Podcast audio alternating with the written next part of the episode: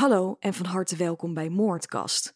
Ik ben Dionne Slachter en samen met mijn broer Henrik duik ik wekelijks in de meest bizarre moordzaken. Inmiddels is Moordkast al een tijdje exclusief te beluisteren via de app Podimo. Hier op Spotify zie je dus lang niet al onze afleveringen.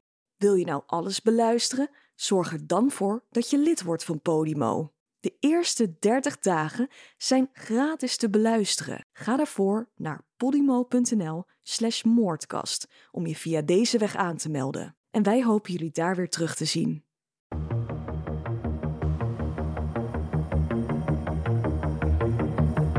Welkom bij deze nieuwe Moordkast. De podcast waarbij ik je meeneem in verschillende mysterieuze moordzaken. Ik ben Dionne Slachter en samen met mijn broer Hendrik als sidekick duiken we in de waargebeurde misdaad. Vandaag het verhaal over een familie die kerst in hun vakantiehuisje zullen vieren. Geïsoleerd in de bergen. De feestvreugde wordt bruut verstoord door twee indringers. Van harte welkom allemaal weer bij deze allerlaatste moordkast van het jaar. Ik ben hier natuurlijk weer met mijn broer Henrik. Hey. De laatste aflevering van het jaar. Ja. En dan zul je denken, hè? Maar er is nog één vrijdag. En dat Ja. is volgende week. Dan zijn we er even niet. Nee, ook wij hebben even vakantie. Ja, dat zou anders betekenen dat we aan het werk moeten tijdens kerst. En ehm, dat zien wij gewoon even niet zitten. Nee, maar even een keertje een break. We hebben het hartstikke goed gedaan dit jaar. Ja, En ja, dit is eh, onze laatste aflevering van het jaar. En over twee weken zijn we er gewoon weer. precies. Zoals altijd. En de meeste podcasts die werken met seizoenen, dat doen wij niet. Wij posten aflevering na aflevering. We uploaden al een half jaar wekelijks. Dus ik gun ons ook eventjes een weekie, een breakie. Ja. Ja, Nou, goed gezegd. ja en het is eh, volgende week 31 december, oud en nieuw. Er valt niet heel veel te beleven, maar ik denk dat jullie eh, vast genoeg te doen hebben. En ehm, nou ja, wij gaan er gewoon even een weekje tussenuit. Ja, ik denk dat heel veel mensen het ook wel even jammer vinden. Maar ze zullen het best wel snappen, denk ik. Jawel, vast wel. Tuurlijk. Natuurlijk willen we jullie alvast ontzettend bedanken voor dit fantastische jaar of halfjaar. Eh 2021 zijn we begonnen met Moordkast. En we zijn jullie ontzettend dankbaar eh, dat jullie ons massaal zijn gaan volgen en gaan beluisteren. Ja, zeker. We zijn echt heel snel gegroeid, hè. Dus Mhm. dat hebben de luisteraars. Dus dat heb jij eigenlijk mede voor ons gedaan. Dus ja, enorm eh, bedankt daarvoor. En maak er natuurlijk een topjaar van alvast. Fijne dagen. Maak er prachtige kerstdagen van. Een gelukkig nieuwjaar alvast. En wij zien jullie in ieder geval in januari in 2022 weer. Mocht je nou volgende week eh, vrijdag echt denken van, nou, kan echt niet zonder. Begin je gewoon vanaf af- aflevering 1 weer. Ja, of kijk even naar Discovery Plus. Want eh, vandaag zijn de laatste twee afleveringen van de True Crimes of the 90s eh, online gekomen. Goeie. Die staan nu live. Dus je hebt in ieder geval die extra content. En als je ze nog helemaal niet hebt gezien, dan kun je alle zes afleveringen daar gaan bekijken. Exclusief op Discovery Plus. Het zijn zes eh, spraakmakende moordzaken uit de jaren 90 die ik daar heb mogen bespreken. En ehm, nou, ik, eh, ik ben er heel trots op. En ik hoop dat jullie het eh, heel tof vinden. Laat het ook gewoon eventjes weten trouwens. Ik ben wel benieuwd wat jullie uiteindelijk van de serie hebben gevonden. Dat kan via onze Moordkast Instagram, Moordkast. We posten daar ook foto's, beeldmateriaal van ja, de zaken die we bespreken. Dus volg ons daar vooral.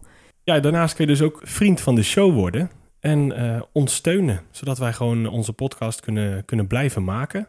Er zijn al een aantal jullie voorgegaan. Daar zijn we ontzettend dankbaar voor. En als je de podcast op vrijdag luistert, nou, dan hebben wij nog een hele leuke kerstactie. Dus als jij besluit om vriend van de show te worden voor een jaar lang, mag je gratis een jaar lang vriend van de show weggeven. Dus mocht je nou nog echt denken van, nou, ik moet een kerstcadeau halen, maar de winkels zijn dicht, bezorger is veel te laat, nou, heb je hier een mooi cadeau te pakken. Het kan alleen vandaag nog, tot en met 24 december. Dus die kerstactie die loopt tot en met vandaag. Dus eh, nou ja, wil je daar gebruik van maken? Zou ik zeggen, sla je slag.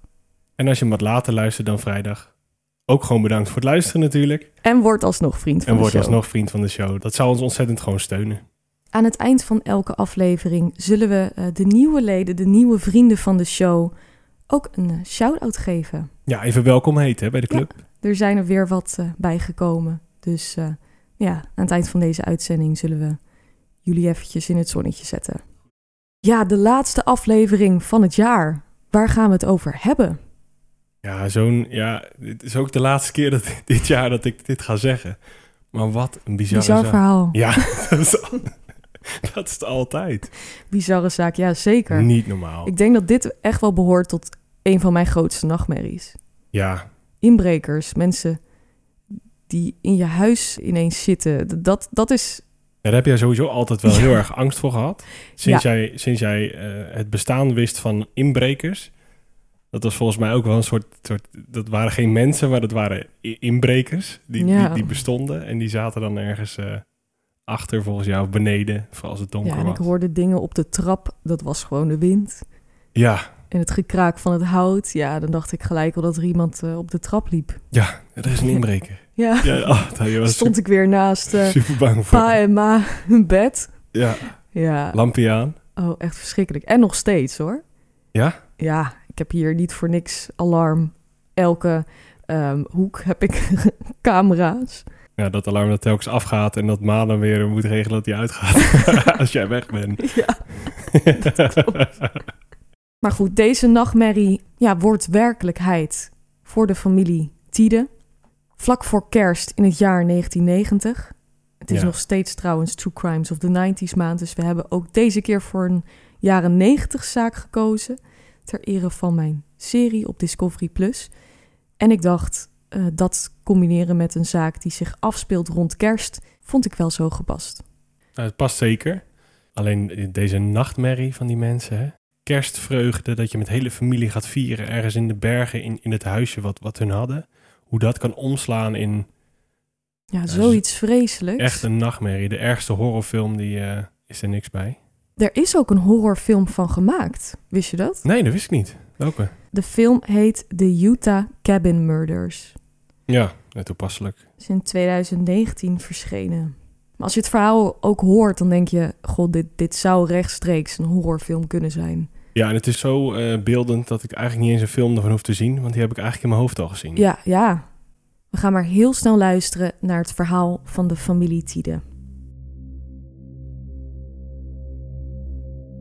Ralph Tiede wordt geboren op 29 september in 1939 in het Duitse plaatsje Edelak in Duitsland. Hij emigreert in zijn kindertijd van Duitsland naar Amerika en groeit daarop en ontmoet als hij begin 20 is zijn toekomstige vrouw Kay Tidwell. Ze schelen twee jaar van elkaar en in 1963 trouwen ze. Ralph is dan 24 en Kay 22 jaar. Ze wonen uiteindelijk in het plaatsje Humble en dat ligt in de staat Texas, dus in Amerika. En Ralph en Kay dromen van een gezinsleven met veel kinderen. Maar het lukt het stel niet om deze te krijgen. Ze besluiten om twee kindjes te adopteren: een dochter, Lené, en een zoon genaamd Sean.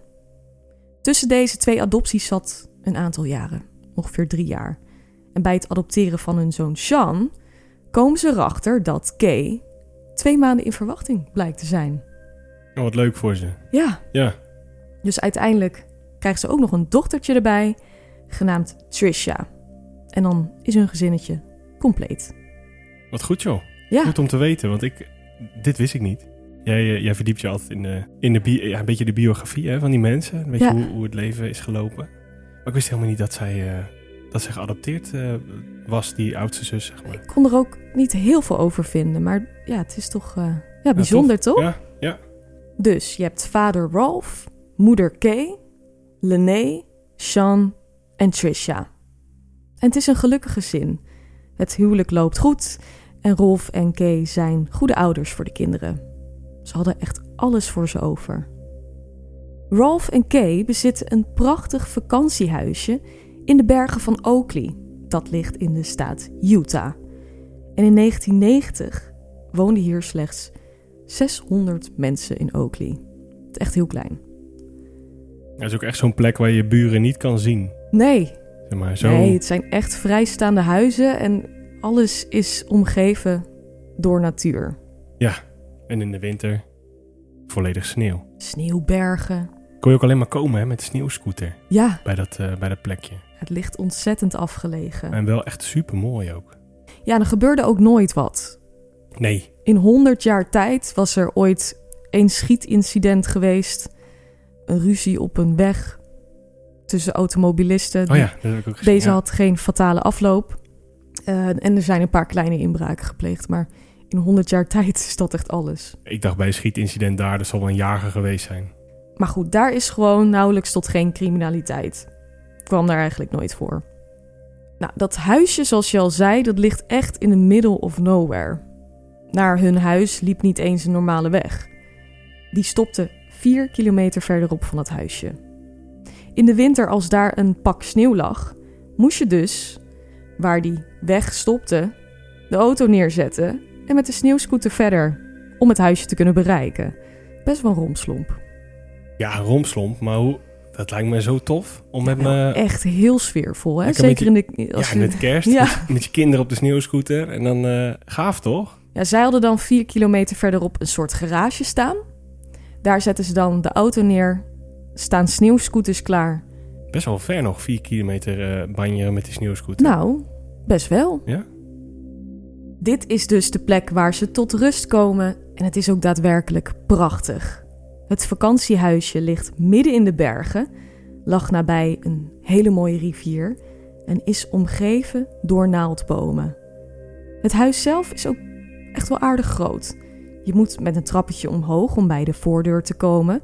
En dan heb je een soort veranda wat uitkijkt op de bergen. Verder heeft het huis enorme ramen en het hout is rood-bruin gekleurd. Onderaan staat een wei met paarden. De vogeltjes fluiten altijd. Moeder Kay had het huisje een naam gegeven, namelijk Tides Tranquility. Ja, gewoon de rust van de familie Tiede. zeg Ja, maar. ja, als symbool voor deze zorgeloze en vredige plek.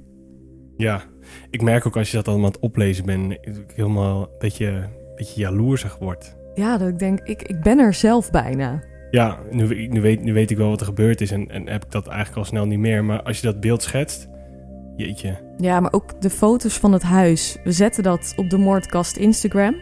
Maar het is zo prachtig Ja, en sfeervol. Ik kan me heel goed voorstellen dat, eh, en dan daar met je hele familie heen. ja, dat, dat, dat iedereen gek was op die plek. Ja, tuurlijk. Ja, Nou, die kinderen vinden het er geweldig en spenderen hun tijd daar graag. Vaak komen dan ook nog ooms, tantes en de oma mee.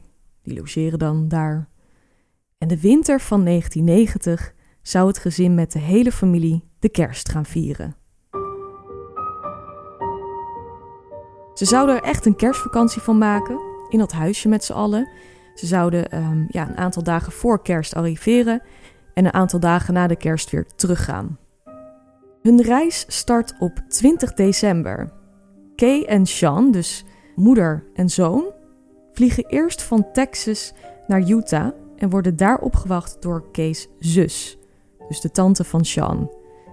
En eh, vader Rolf, Lene en Trisha zullen de volgende dag eh, vertrekken. Waarom ze dat doen, dat weet ik niet. Misschien was het gewoon een chaos met alle kinderen in één reis. Of ik, ik weet niet. ja misschien dat die vader nog werk te doen, dat zie je dan ook nog wel eens. En dat die kinderen dan met hem meegaan bijvoorbeeld. Ja, ik kan allerlei redenen bedenken. Ja, ze gingen in ieder geval apart van Ja. elkaar. Dus moeder, zoon en tante zijn onderweg naar het huisje. Ze komen aan bij die garage waar ik het over had. En laden hun spullen over van de auto naar de sneeuwscooters. En vervolgen hun weg naar hun bestemming. Het is die periode trouwens min 7, min 6, zoiets. En als ze halverwege zijn, gebeurt er iets geks. Ze zien ineens een man langslopen, die totaal niet gekleed is naar het weer. Hij draagt een dun jasje, een spijkerbroek en sportschoenen. Niet de outfit die je hier in dit landschap zou verwachten. Zeker niet met die kou. Nee. Nee, tenzij je Wim Hof bent, maar anders... eh, nee, anders is het wel een raar gezicht. Ongewoon. Nou, moeder Kay was nog gestopt met haar sneeuwscooter en had aan de man gevraagd van, nou, heb je misschien hulp nodig? Maar het Het was zo'n gek gegeven dat hij er in die kou bij liep, dat Kees zich echt wel een beetje zorgen begon te maken. Maar de man zei niks terug, reageerde totaal niet op haar aanbod en liep zelfs harder door. Keek niet eens achterom. Vreemd. Ja, nogal. Ja. Beetje gek, maar ze rijden dus gewoon door naar het huisje. Ze pakken hun spullen uit en versieren alvast eh, een beetje het huis om in de kerstsferen te komen. En wachten de volgende dag de rest op. Want dan komen natuurlijk Ralph, Lene en Trisha aan. Lene is trouwens 20 en Trisha 16 op dit moment.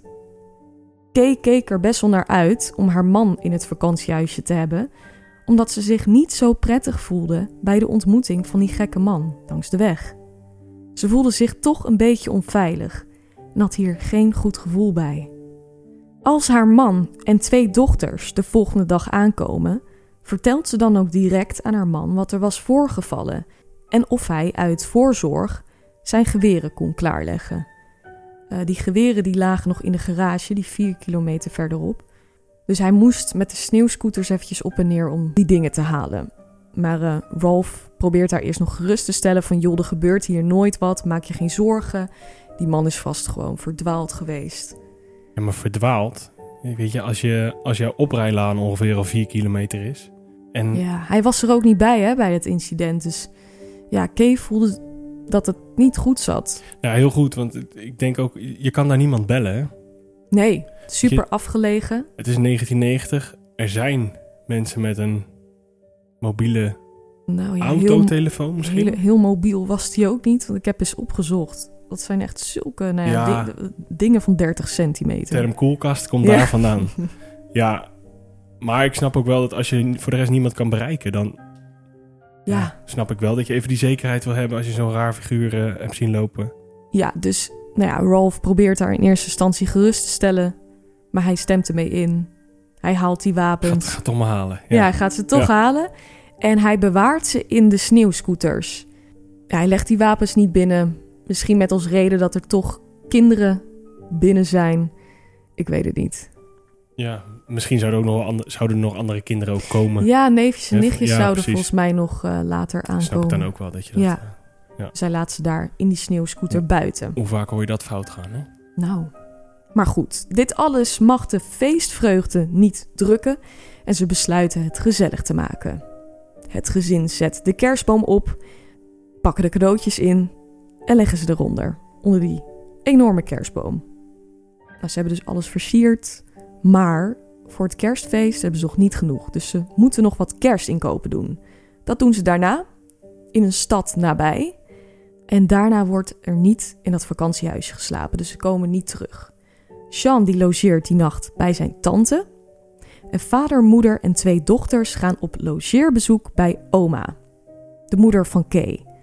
En zij heet Beth Titwell Potts.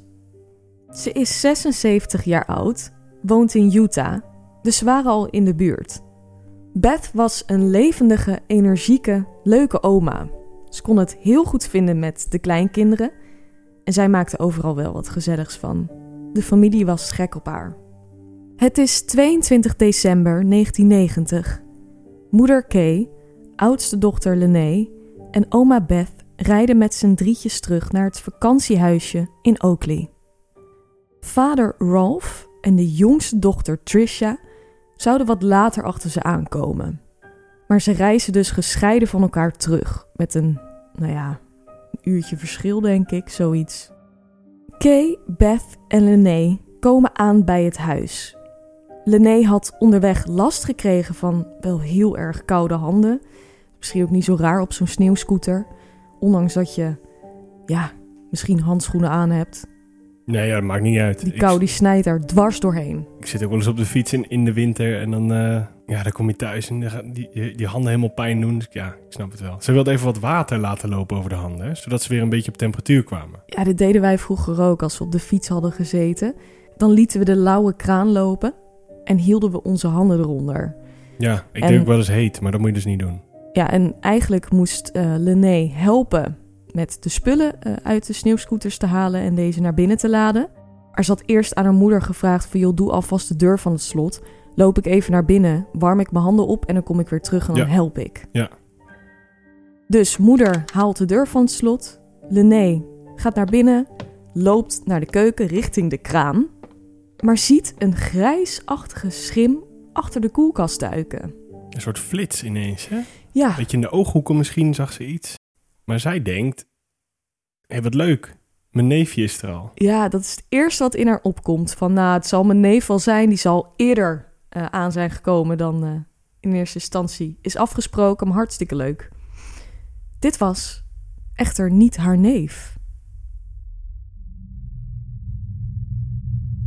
De schaduw komt achter de koelkast vandaan en het is een vreemde jonge man in een grijze trui met krullend pluizig haar. In zijn hand houdt hij een pistool die hij richt op de 20-jarige Lené. Lené denkt dat die man eh, ze komt beroven, dat Ja, het een inbreker wil, is. hè? Ja, en dat hij daarna wel weer weg zou gaan. Ja, dat eh, zou wel het beste scenario zijn. Je schrikt je natuurlijk ook echt helemaal ongelukkig. Nou, jeetje. Ja, dit bedoel ik. Dit zou echt mijn grootste nachtmerrie zijn. Gewoon ineens. Dat er ineens iemand op een hoekje in je eigen huis staat. Het is ook jouw veilige plek. En dan staat daar iemand in jouw domein. De plek waar jij je altijd geborgen en veilig voelt. Nou, dat, dat, is, dat lijkt me zo onvoorstelbaar. Ja, Eh, die, die omslag. Ja, lijkt me En, je, echt hebt, een... en je, je staart ineens ja, een soort van je dood tegemoet. Want je, Nou. staat, je staat in een loop van een, eh, van een pistool te kijken. Ja. Ja, de man draagt haar op de rest naar binnen te roepen. Kay en Beth lopen dan samen de trap op. Beth was trouwens niet goed ter been. Ze heeft vroeger een ongeluk gehad. Haar dochter Kay helpt haar de trap op. En zodra ze bovenaan de trap aankomen, verschijnt er een andere indringer.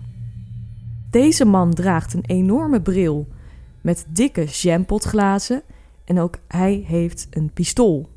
Die richt hij op moeder Kay. Ja, gewoon nog één. Toen dacht ik, hè?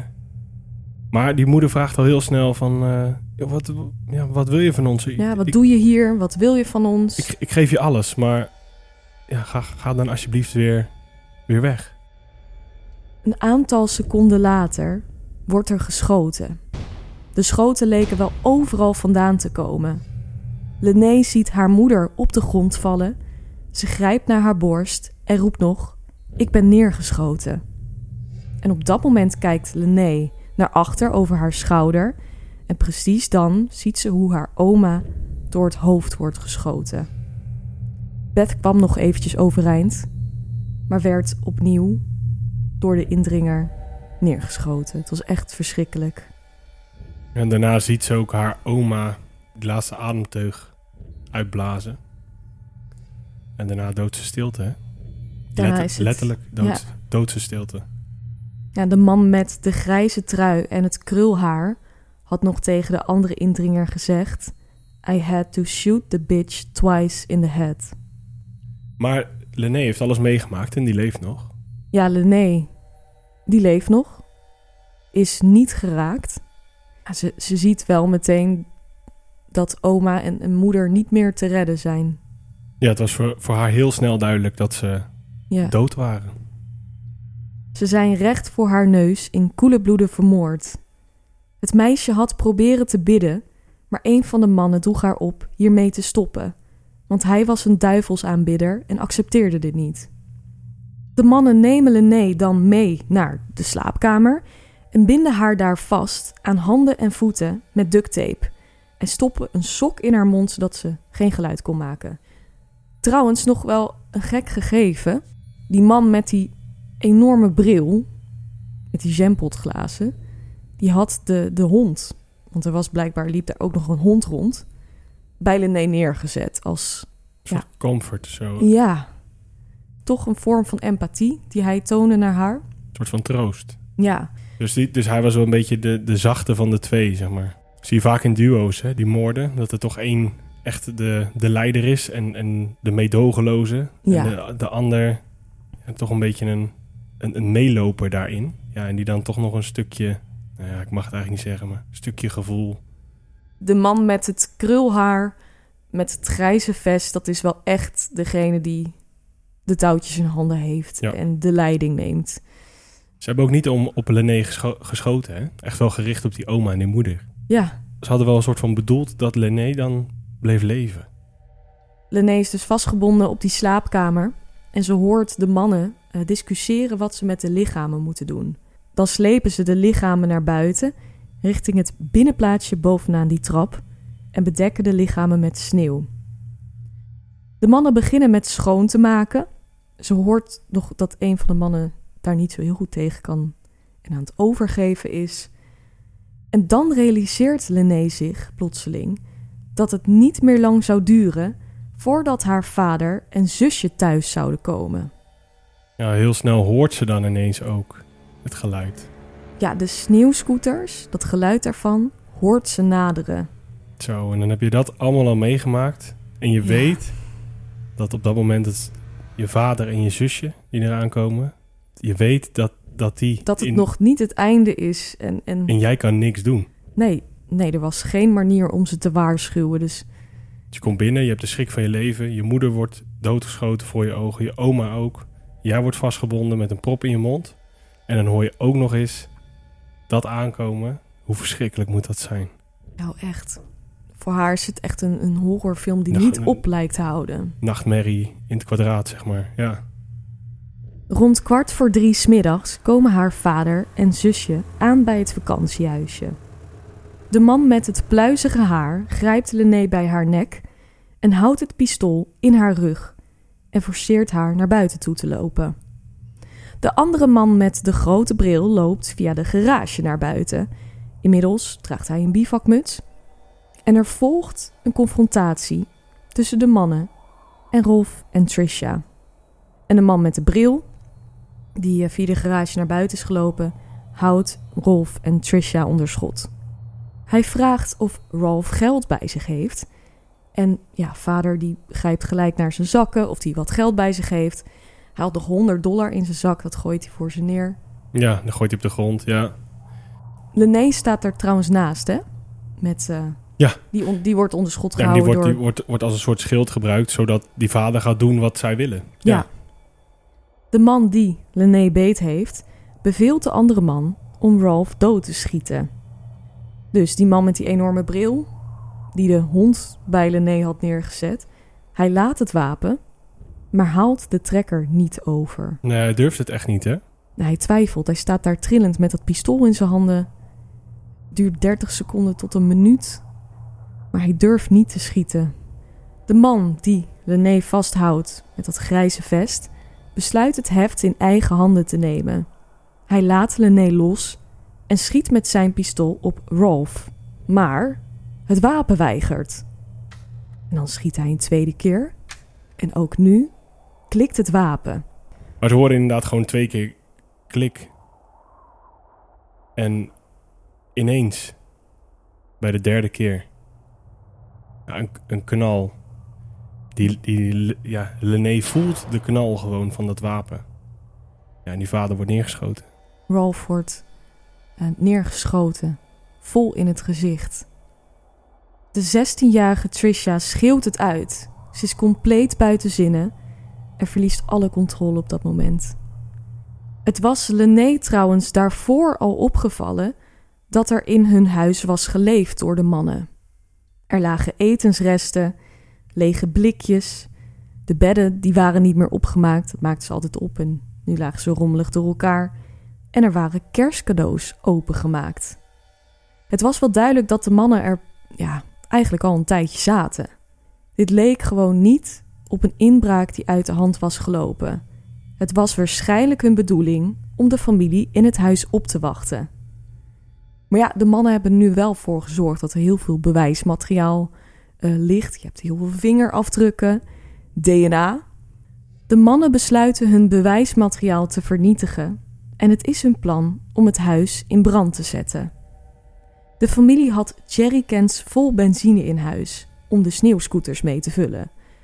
De mannen pakken deze jerrycans en besprenkelen het hele huis. Dat zal dan ook wel een goede eh, verklaring zijn waarom ze eerst zijn gaan schoonmaken. En daarna dus die jerrycans hebben gevonden. Van denk ik, oh, we kunnen het ook beter zo doen. Gewoon alles platbranden, het bewijs. Ja, het, dat is wel inderdaad gek dat ze het eerst zijn gaan schoonmaken. Dus dat plan om het huis in brand te zetten is wellicht een vrij impulsieve keuze geweest. Ja, ik, ik zit me dan in te denken dat ze in die garage staan met die vader, waar ze die vader neerschieten. Misschien dat de jerrycans in die garage hebben gestaan. Dat ze toen dachten Ja. van, hé, hey, eh, dat schoonmaken hoeft niet. We branden gewoon alles plat. Dat zou kunnen. Ze zetten het vervolgens in de brand. En de man met het pluishaar die loopt terug naar Ralph om er zeker van te zijn dat hij dood is. En hij schiet hem nogmaals neer door de achterkant van zijn hoofd. En ook hij wordt besprenkeld met benzine. Ze zetten eh, Ralph trouwens niet in brand. Eh, ze hopen dat, ehm, ja, dat de vlammen van het huis hem zullen raken. Ja, hij lag ook wel vrij dichtbij. En loopt meestal ook wel een spoortje, hè. Kans was groot dat hij vlam zou vatten. Dat was ook wel het idee. Ja, en die meiden, die staan daar. Vader neergeschoten, moeder, oma. En ja, ze hebben eigenlijk geen andere keuze dan, dan ja, toch te luisteren naar deze indringers. In de hoop dit vreselijke horrorscenario te overleven. De plek is afgelegen, natuurlijk. Niemand hoort ze. Dus hulp komt daar niet zomaar. De mannen bevelen de meisjes om de sneeuwscooters te besturen met hen achterop. En ze rijden daarmee naar de garage waar de auto van de familie geparkeerd staat. Dit terwijl de meisjes onder schot worden gehouden. Dus Lené bestuurt zo'n sneeuwscooter met een man achterop en Trisha met de ander. Ja, en tijdens die rit dacht, ja, vooral Trisha dacht van, ik moet die gast eraf gooien. Eh, al al eh rijd ik dat ding tegen een, een boom. Of ja, misschien kan ze een manoeuvre maken waardoor... Ja, dat wilde ze eigenlijk doen, maar ze had een zusje bij zich. En die zou anders gevaar lopen. En eigenlijk denken ze allebei op dat moment hetzelfde. Hoe druk je brein moet zijn op dat moment. Met wat er allemaal is gebeurd. zijn doodsbang. Ja, er gaat inderdaad echt van alles door hun heen. En ze kunnen niet echt iets doen. Want als een van hun eh, actie zou ondernemen, loopt de ander weer in gevaar. Dus het is, het is zo'n lastige situatie. Ja, ze hadden echt alleen elkaar nog. Onderweg rijden ze ineens langs hun oom Randy. Hij ziet zijn nichtjes voorbij komen op die sneeuwscooters en begint naar ze te zwaaien. Helemaal blij. Ja, en het valt hem direct op. Hé, hey, er zitten twee mannen op die scooters achterop. Ze zullen wel een vriendje hebben. Wat leuk. Ja. Die zijn ook mee met kerst. Ja. Hij probeert er dan nog op af te lopen, probeert zijn gedachten te zeggen, maar de meiden passeren hem zonder er aandacht aan te besteden. Ze doen alsof ze hem niet kennen. Uit angst dat de indringers ook nog hun oom zullen neerschieten. Maar het is wel heel knap dat ze dat op dat moment eh, kunnen denken. Want hij zou hun redding eh, kunnen zijn. Op dat moment. Door hem totaal te negeren gaan bij hem alle alarmbellen af. Ja, niet alleen dat. Ik denk dat ze daarmee ook zijn leven hebben gered. Zeker weten. Ja, want die hadden hem zeker. En dan een van die mannen achter op de scooters, die vraagt nog... Joh, kennen jullie deze man? Ja, ja, en die meiden zeggen, joh, nee, dat is misschien gewoon een vriendelijke voorbijganger die eh, of even de weg wil vragen of ja, gewoon of even hoi wil zeggen. Ja, maar Ja. zij hebben ze nog nooit gezien. Nee, kennen we niet. Ja. Ja, Randy staat daar. Die vindt het uiteraard allemaal wel een beetje vreemd. Nou, ze passeren in ieder geval hun oom en komen aan bij de garage. Ze stappen over in de auto. Beide mannen zijn op dit moment ook nog steeds gewapend. En dan heb je die man met dat kroeshaar. Die haalt nog een mes tevoorschijn en schept nog op dat hij net zo goed is met messen als hij is met een pistool. Ja, even nog even extra angst inboezemen, hè, voor die meiden. Ja. Joh, doe niks geks, want eh, ja. je hebt gezien wat ik gedaan heb. Nou, ze deinzen in ieder geval nergens voor terug, dat is wel duidelijk. Ja. Doodsbang rijden ze verder met de auto. De man met het kroeshaar is de bestuurder. De nee zit ernaast, in de bijrijdersstoel. En achterin zitten Trisha en de man met de enorme bril. Het duurt niet lang voordat ze oom Randy weer kruisen. En Randy probeert dit keer de auto te stoppen. Hij zwaait naar ze, schreeuwt naar ze dat ze moeten stoppen. En de meiden doen weer alsof ze Randy nog nooit hebben gezien. Hij zal vast de weg willen vragen of zoiets. Dat zeggen ze nog. Hij zegt nog dat hij op dat moment dacht, hè, mijn nichtjes, die, die doen mij dit toch niet aan. Ja, Wat is dit voor iets raars? Ja Ja, ze rijden hem dus weer voorbij. En een minuut later ziet Randy ineens een andere sneeuwscooter in de verte, die zijn richting inrijdt. En nogmaals, het is min 7. En hij ziet dat de man die de scooter bestuurt geen jas aan heeft. Hij draagt geen handschoenen, geen helm. Hij denkt: wie is deze man? Ja, en die komt steeds dichterbij. En hij denkt: shit, dit is mijn broer. Zijn broer die heeft een heel opgezwollen hoofd. Ja, zijn gezicht is helemaal dik. En hij heeft een soort ijspegeltjes van bloed zelfs nog aan zijn gezicht hangen. Ehm, hij is nat. Het is, Ja, hij Ja. heeft ook hele dikke opgezette ogen. ja, die zit helemaal dicht. Het zit helemaal dicht, dus hij heeft amper iets kunnen zien. Ja, en, en hij verliest op dat moment ook nog heel erg veel bloed. Ja, hij is er echt heel slecht aan toe. Maar hij wil zijn dochters redden. Ja, hij roept naar zijn broer. Mijn vrouw en schoonmoeder zijn doodgeschoten en mijn dochters zijn ontvoerd. Ja, en op dat moment gaat er een knopje om bij die oom. Die denkt, oh oh, die heb ik dus net gezien. En dat was er aan de hand. Dus hij heeft heel snel, zijn zijn naar zijn auto gegaan. Daar heeft hij zijn, zijn broer. Op de achterbank, op de achterbank gezet. gelegd. Ja, Die lag daar echt, eh nou, ja, echt in kritieke toestand, hè? Ja. ja, en hij is als een gek erachteraan gereden. Terwijl hij ook nog dacht van ja, eh, ik rijd er wel achteraan. Die mannen hebben wapens. Totaal geen bereik. Ja, hij is dus dat unieke geval die in 1990 een mobiele telefoon had. Ja. Dus in die auto, zijn broer ligt gewond achterin, probeert hij constant het alarmnummer te bellen. Ja, Maar eh, ja, de dekking was destijds natuurlijk nog niet zo goed. Zeker niet daar. Zendmasten had je nog niet zoveel als dat we nu hebben. En zeker daar in de bergen. Ja, En weinig kans. hij kreeg ze niet te pakken. Het is natuurlijk best wel een ramp, hè? Want zijn broer, die ligt echt op sterven. Het is echt een wonder dat hij die aanval heeft overleefd. Maar wat blijkt nou? Die mannen hebben een birdshot kogel gebruikt. Bij het neerschieten van Rolf.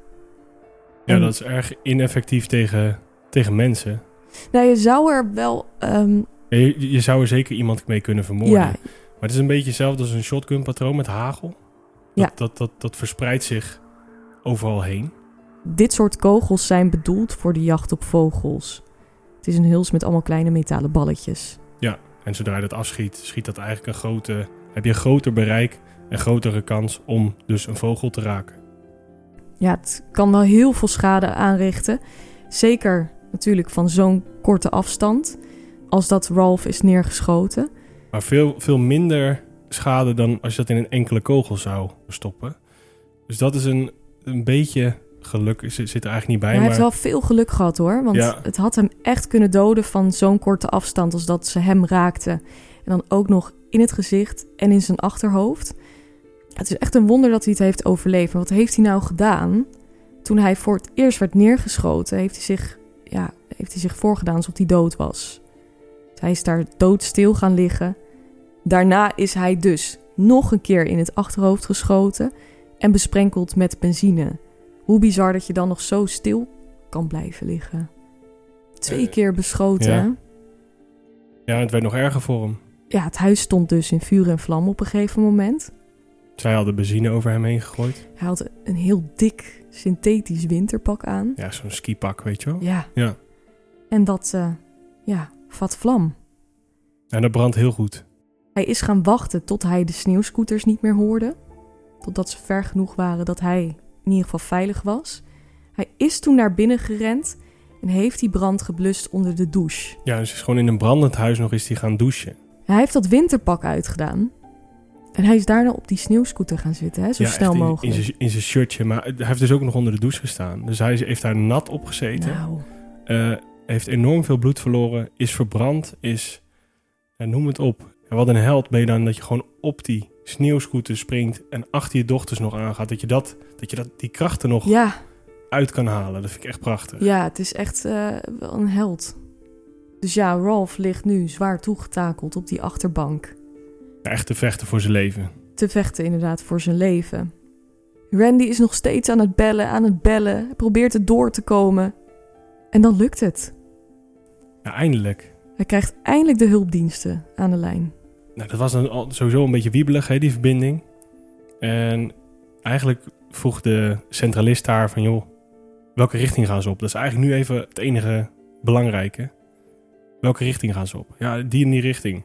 Maar ik heb ook nog een helikopter. En hij is weg. Hij wilde nog vragen om een helikopter. Ja, een traumahelikopter voor, uh, Die heb ik nodig. voor zijn broer. Ja. Ja, Hij heeft niet kunnen melden dat zijn broer hulp nodig heeft. Dus hij rijdt zo snel mogelijk naar een tankstation en belt daar in een telefooncel het alarmnummer weer en vraagt dan om de traumahelikopter. en die komt dan ook snel, hè? En die meisjes zitten natuurlijk nog steeds met hun indringers in de auto. De politie heeft inmiddels de jacht ingezet. En de mannen rijden met de meisjes op Canyon Road wanneer er een politieauto langs hun rijdt. Deze politieauto maakt vervolgens een draai en zet de achtervolging in. De mannen die gaan in vluchtmodus en gaan op een gegeven moment 150 km per uur. Ze rijden nog dwars door een afzetting in. De politie had ergens een weg geblokkeerd. Zijn ze gewoon dwars doorheen gereden. Ja, uiteindelijk raken de mannen toch de macht over het stuur kwijt. Ja, was wat te verwachten eh, uiteindelijk. Het hele, hele gebied ligt ook onder sneeuw, hè? Dus ja, met, met zulke snelheden over die weggetjes gaan. En ze rijden ergens vanaf, van een dijkje. Ja, ja, het is gewoon, ja precies. Een, een weggetje op, op een dijkje en dan zijn ze naast geraakt en zijn ze vanaf gegleden. Ja, ze zijn nog een paar keer gaan spinnen en komen tot stilstand en komen er ook niet meer uit. Ze staan echt vast met die auto. En op een gegeven moment komen er politiemannen tevoorschijn, richten hun wapens op de auto. Nou, de mannen die raken totaal in paniek, roepen dat ze doodgaan. En die meiden zitten verontwaardigd en stil in de auto. Als ze naar buiten kijken door het autoraam, zien ze overal politie staan en ook een aantal burgers. Ze houden het voertuig onder schot, maar daarbij ook de meiden. Het is de politie blijkbaar op dit punt nog niet duidelijk dat, dat de meiden ontvoerd zijn en gegijzeld gehouden worden. Lené en Trisha zitten achter elkaar en duiken weg in de auto, pakken elkaars hand en bidden dat ze dit zullen overleven. Ik vind het zo bizar dat dit blijkbaar dan niet duidelijk is voor de politie. Ja, zij weten nog niks. Die oom die heeft gebeld en die heeft een heel wazig verhaal afgegeven. ehm, omdat de verbinding zo slecht was. Dus ze hebben van die, van die dispatcher, van, dus van de centra- centralist, wel een verhaal meegekregen. Maar zij weten niks. Dus houden iedereen onder schot ja, voor de zekerheid. Nou, uiteindelijk zijn die mannen uit de auto gehaald en kreeg de politie wel door hoe de vork in de stil zit. Ehm, en die mannen die zitten op hun knieën met de handen in hun nek. En Lené roept naar de politie dat ze moeten schieten, omdat zij haar moeder en oma hebben vermoord. Ja, die vragen echt... Kill them, shoot them. Ja, Ja. ja. Die zi- die zijn er echt, echt om aan het gillen. En die zeggen echt van ja, zij verdienen dit. Schiet, schiet ze alsjeblieft dood. Ja, ik begrijp het ook wel. Maar de mannen geven zich over. Ja, die worden gearresteerd en meegenomen. En ze komen dan al snel achter de identiteit van deze mannen. Het zijn Edward Daly en Von Taylor. Edward is 21 en Von Taylor is 25. Edward was die man met die enorme potglazen. Ja, Danny. En Von Taylor is, eh, is de man met het grijze vest en het krulhaar. Twee jonge mannen dus. En ze hadden beide vastgezeten in de staatsgevangenis van Utah. Von voor een uit de hand gelopen overval. En als kind zou hij dus best wel een prima jeugd hebben gehad. Alleen hij is ergens op het verkeerde pad terechtgekomen.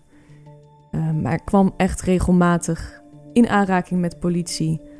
Had al eh, wat geweldplegingen op zijn naam staan. Edward Daly had een minder gewelddadige achtergrond. Hij zat vast voor een brandstichting.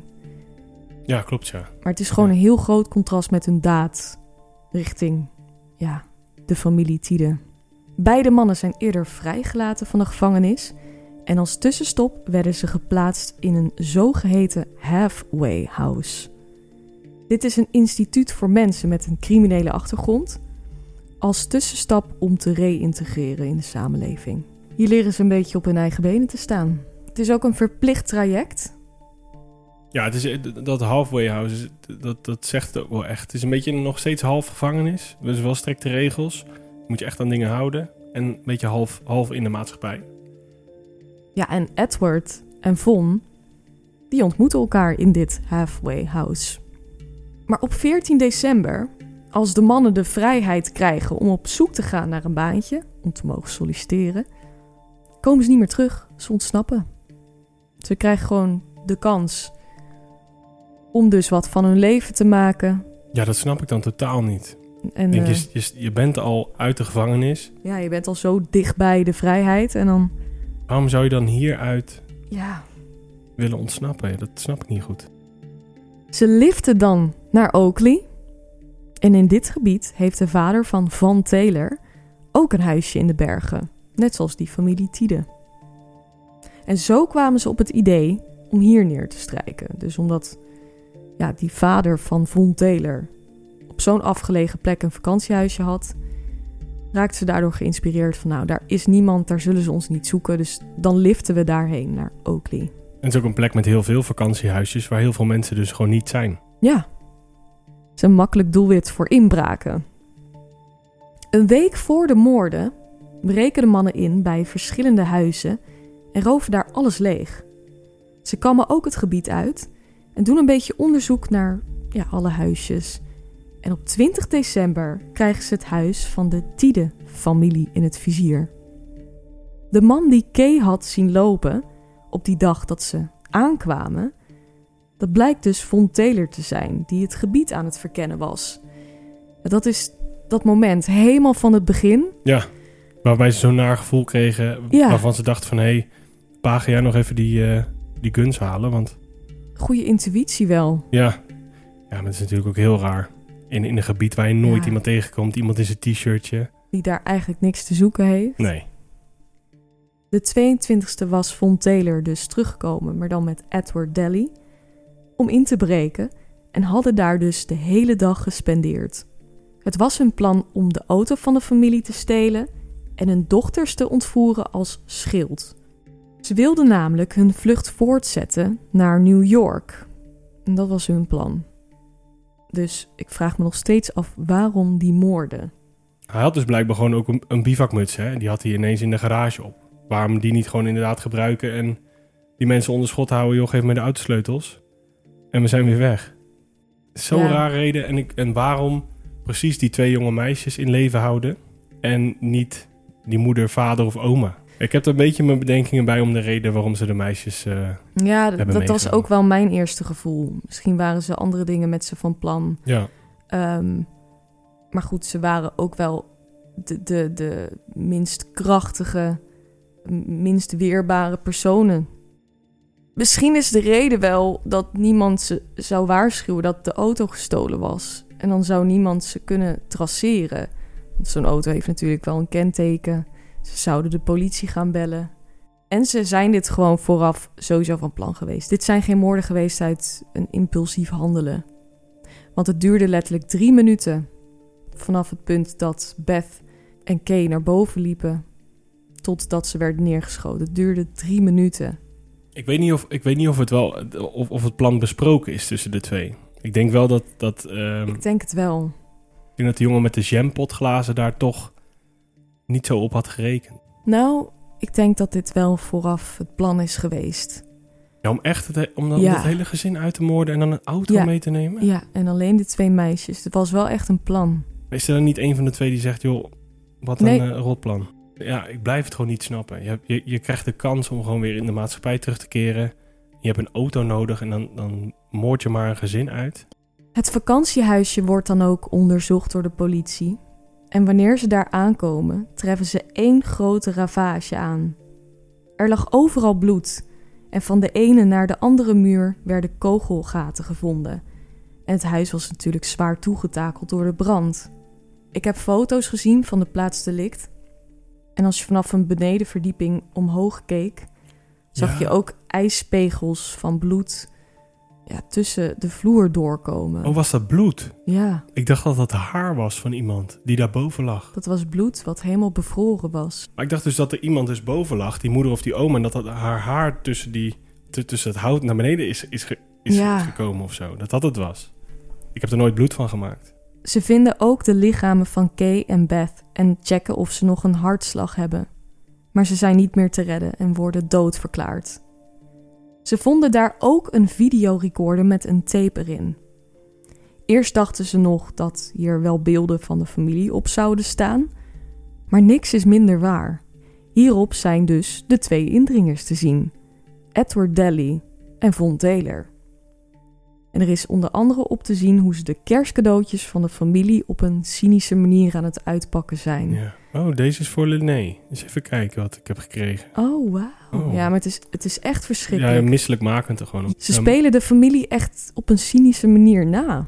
Ja, terwijl ze die helemaal niet kennen. Nee. Maar ja, Nou ja, ze maken ook grapjes over de inhoud van de pakjes. Het is echt misselijkmakend en harteloos. ja dat zeker, ja. Het is op dit punt ja, heel duidelijk wie de moordenaars zijn. Maar zal dit ook blijken in de rechtszaal? Want wie heeft de schoten gelost? Wat is er gebeurd en wat zou een gepaste straf zijn? Lené en Trisha willen niets liever dan de doodstraf voor de daders. Von Taylor die pleit dan schuldig te zijn aan de twee moorden. Ja, ja ook met, de, met, met een reden. Dat is bij hem een beetje raar gelopen. Hij heeft eh, naast de moorden heeft hij iets van negen aanklachten gehad. Waaronder eh, brandstichting, de, de, achtervolging, ontvoering. Nou, noem het maar op. Dus nou, alle, alles dat bij elkaar zou hij sowieso de doodstraf Een krijgen. hele waslijst. Hij heeft dus een, een deal, deal gesloten van ik word alleen maar aangeklaagd voor de twee moorden en dan, dan beken ik. Maar was het echt een deal of was het meer in de hoop dat Nou, het is, het, het is wel een deal, want er werden de andere aanklachten werden eh, gedropt. Dus de- Oh ja. daar, daar werd hij niet op, op vervolgd. En, Mhm. en dan zou hij bekennen. Tijdens de hoorzitting maakt het bewijs pijnlijk duidelijk dat Von Taylor echt wel die leiding gaf bij het plegen van de daden. Hij had de fatale schoten gelost. Kay was vijf keer geraakt en Beth drie keer. En uit de kogels kon worden opgemaakt uit welk geweer de kogels kwamen. Die kwamen uit het geweer die Von Taylor had gebruikt. Oh, allemaal. Ja, Ja. en dit kon Lené ook bevestigen. Ja, ja. Von Taylor toont totaal geen empathie tijdens het geven van zijn verklaring. Hij heeft echt totaal geen berouw van zijn daden. Nee, we hebben ook gewoon echt, ook niet tijdens de zitting, maar ook daarvoor, daarna, helemaal niks. Nee, ja, dit werkt niet echt in zijn voordeel. En tijdens de hoorzitting komt er nog een bijzondere getuige naar voren.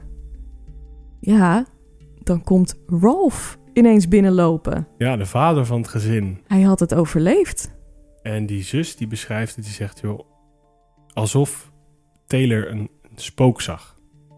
Ja, die was totaal in shock. Hij werd gewoon helemaal wit. En ja, die blik op zijn gezicht was volgens Lené priceless, zegt ze. Ja, dit was echt zo'n krachtig moment voor die familie. Pa had het overleefd. Ja. Ja, en Von Taylor was hier nog niet van op de hoogte totdat hij binnenkwam. En toen wist hij, ja nu, nu ga ik.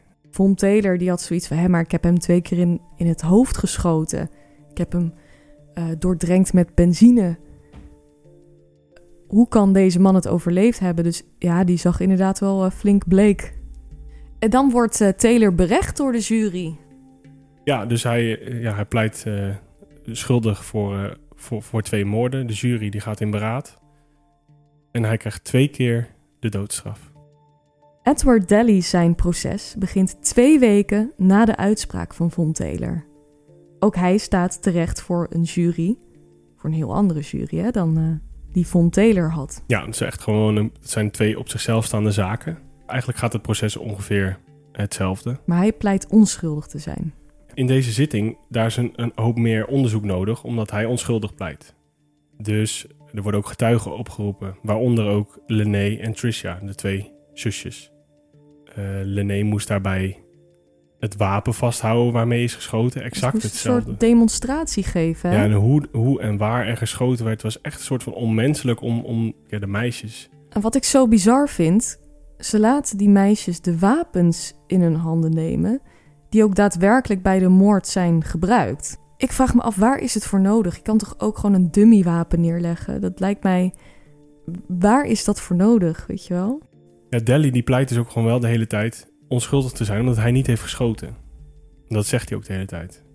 Ja, dat, dat maakt die zaak moeilijk. En daardoor gaat de verdediging, ja, die probeert er echt een zaak van te maken. Iedereen gaat nog een keer die, die, die, die de hele lijdensweg door. En dat zie je eigenlijk bij, bij, die, bij al die zaken. Ja, het is echt ver- verschrikkelijk traumatisch geweest voor de meisjes. Die leggen ook uit van, joh, dat wij dat wapen in ons hand... echt datzelfde wapen moesten dragen. En dan heel dat moment herleven met dat wapen. Ja, Ja, dat is gewoon dat is verschrikkelijk geweest voor hen. Maar ook weer in die zitting komt die vader ook binnenlopen. Ja. Eigenlijk exact dezelfde reactie. Ja en die aanklager die probeert ja, met man en macht... die doodstraf er doorheen te krijgen. Ja, en de familie wilde dat ook echt. En die meiden, Ja. vooral, vooral die meiden, die wilden ook echt die, ja, die, die wilden ook echt de doodstraf. Dat was het enige wat voor hun voldeed. Ja, die advocaat heeft een paar punten. Edward Daly beweert dat hij niet ja, had durven schieten. eh, omdat het nooit zijn bedoeling was om die moorden te plegen. En had Linné nog gerustgesteld toen ze vastgebonden zat in die kamer met het hondje. Eh, ja, had empathie getoond, dus ja, hij ging voor die lichtere straf. En haalde dit soort dingen er dus bij. En eh, hij heeft misschien niet de schoten gelost, maar hij heeft ook niks eraan gedaan om dit te voorkomen. Hij deed net zo hard mee. Hij deed er alles aan om second degree murder te krijgen. En dat is hier hetzelfde als doodslag. En dat weegt gewoon minder zwaar dan moord. En daarmee zou de doodstraf van tafel zijn. En dan komt de uitspraak. Ja, en die is opvallend. Dus het wordt uiteindelijk second degree murder. En dat komt door één persoon die het niet eens is met, eh, met de first degree murder, zeg maar. Dus, dus met moord. Dus één persoon in de jury die heeft gezegd van... eh, Ja, die wilde daar niet in meegaan. En dat moet, moet wel unaniem zijn, de jury daar. Ja, en toen hebben ze daar ehm het doodslag van gemaakt. Hebben, heeft hij levenslang gekregen. de second degree murder is doodslag. Ja, is ongeveer gelijk aan doodslag hier.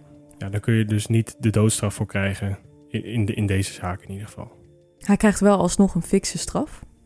Ja, hij krijgt levenslang zonder eh, de mogelijkheid om vrij te komen. Ja, hij krijgt ge- geen eh, kans op vervroegde vrijlating. Dus hij zit zijn hele leven lang tot zijn dood in de cel. Ja, en de familie was, was daar best boos om.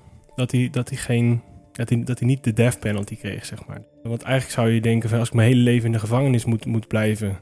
dan ga je liever dood. Ja. ja, dat is wat ik jou... Kijk, bu- buiten de podcast praten we hier ook nog wel eens over. Toen jij binnenkwam zei ik van... Ja, maar levenslang in de cel... is dat niet veel erger dan dat je de doodstraf krijgt? Je wil niet on death row zijn. Want er zijn mensen die wachten zo lang in de dodencel. En de dodencel is de gevangenis, maar het meest onprettig dat je kan bedenken. Alles is sober, alles is ingericht op dat jij binnen korte tijd doodgaat. Maar de meesten leven gewoon nog, soms wel 50 jaar. Eh, en die blijven hun eh, proces aanvechten. En, de, en dat stapelt maar op. Er zijn een, een hele hoop gevangenen die, die sterven een natuurlijke dood in de dodencel. Ja, je hebt het wel eens vaker over gehad. Ja, gebeurt best veel. Maar daarom zou je ja, eigenlijk liever levenslang willen in een normale gevangenis, zeg maar. Het is echt een ehm, verschrikkelijke zaak. Echt een, een naar verhaal. Ja, joh, die, die mensen die dachten met de kerst ja, even naar hun mooie huisje te gaan. Want dat is, dat is het ook gewoon. Ja, het is prachtig. Over dat huisje gesproken. Ja, Ze hebben het gehouden. De Ja. meiden hebben het eh, opgeknapt. helemaal verbouwd. Samen met Rolf trouwens. Die Ja. hebben het mooier gemaakt dan hoe het in de staat daarvoor was. En ze zien het nu echt als een place of healing, zeggen ze. Ja, ze proberen het om te zetten in iets moois. Ze geven aan van, joh, we hebben hier zoveel mooie momenten meegemaakt in onze kindertijd. We willen dit ons niet laten afnemen, want eh, ja, er is ons genoeg afgenomen. Het is ook wel heel mooi hoe ze, nou, hoe ze toch heel veel dingen nu positief zien. Linné die heeft in 2001 nog een brief gekregen van... eh, Ja, van Edward, Ja. van Edward Daly. Ja, waarin hij eigenlijk wel heel, heel veel spijt betuigt. En ook zegt van ja, ik, ik was toen echt een heel, nou op zijn zachtst gezegd, een heel naar ventje. Ja, hij beweert echt een ander persoon te zijn. Ja, ik ben, in, ik ben, weet je, ik ben nu een man geworden, ik ben volwassen en ik heb ontzettend spijt van wat ik nu heb gedaan en dat wil hij laten weten. Zij heeft negen jaar later gereageerd. Ja, ze heeft er heel lang over na moeten denken of ze er wat mee wilde doen. Ja. ja, en volgens mij zit je dan, in 1990 was het, dus negen jaar, 2010? zit je ongeveer 20 jaar na de, Ja, na de, Na de na feiten. de gebeurtenissen. Ja. Ja. 20 jaar na de gebeurtenissen schrijft zij een, eh, ja, een brief terug. Dat ze hem vergeeft. ja, en dit was het moment voor haar dat er echt een last van haar schouders afviel. Hè? En toen pas voelde ze zich vrij. Zij had al vier kinderen van, van zichzelf. Natuurlijk na de gebeurtenissen allemaal. Maar zij is nu getrouwd met iemand die heeft zelf ook vijf kinderen. Ze hebben nu een gezin van eh, negen kinderen. Jeetje. Ja. is nogal wat. Ja, en die kinderen, dat hele gezin, die zitten nogal regelmatig in dat huisje. Daar zag ik beelden, beelden van. Ja, super, super leuk ook. Die, die, die stiefvader is een hele warme man. Ja, heel lief, hè? Haar nieuwe man. Ja, En dan zitten al die kinderen met elkaar om een kampvuur. En zit hij lekker liedjes te zingen met zijn gitaar. En zij zingen mee. En hoeveel positiviteit die familie uitstraalt. Ja, dat is zo ja, bewonderenswaardig. is heel bijzonder. Ja. Dit was het verhaal van de Tide Cabin Murders.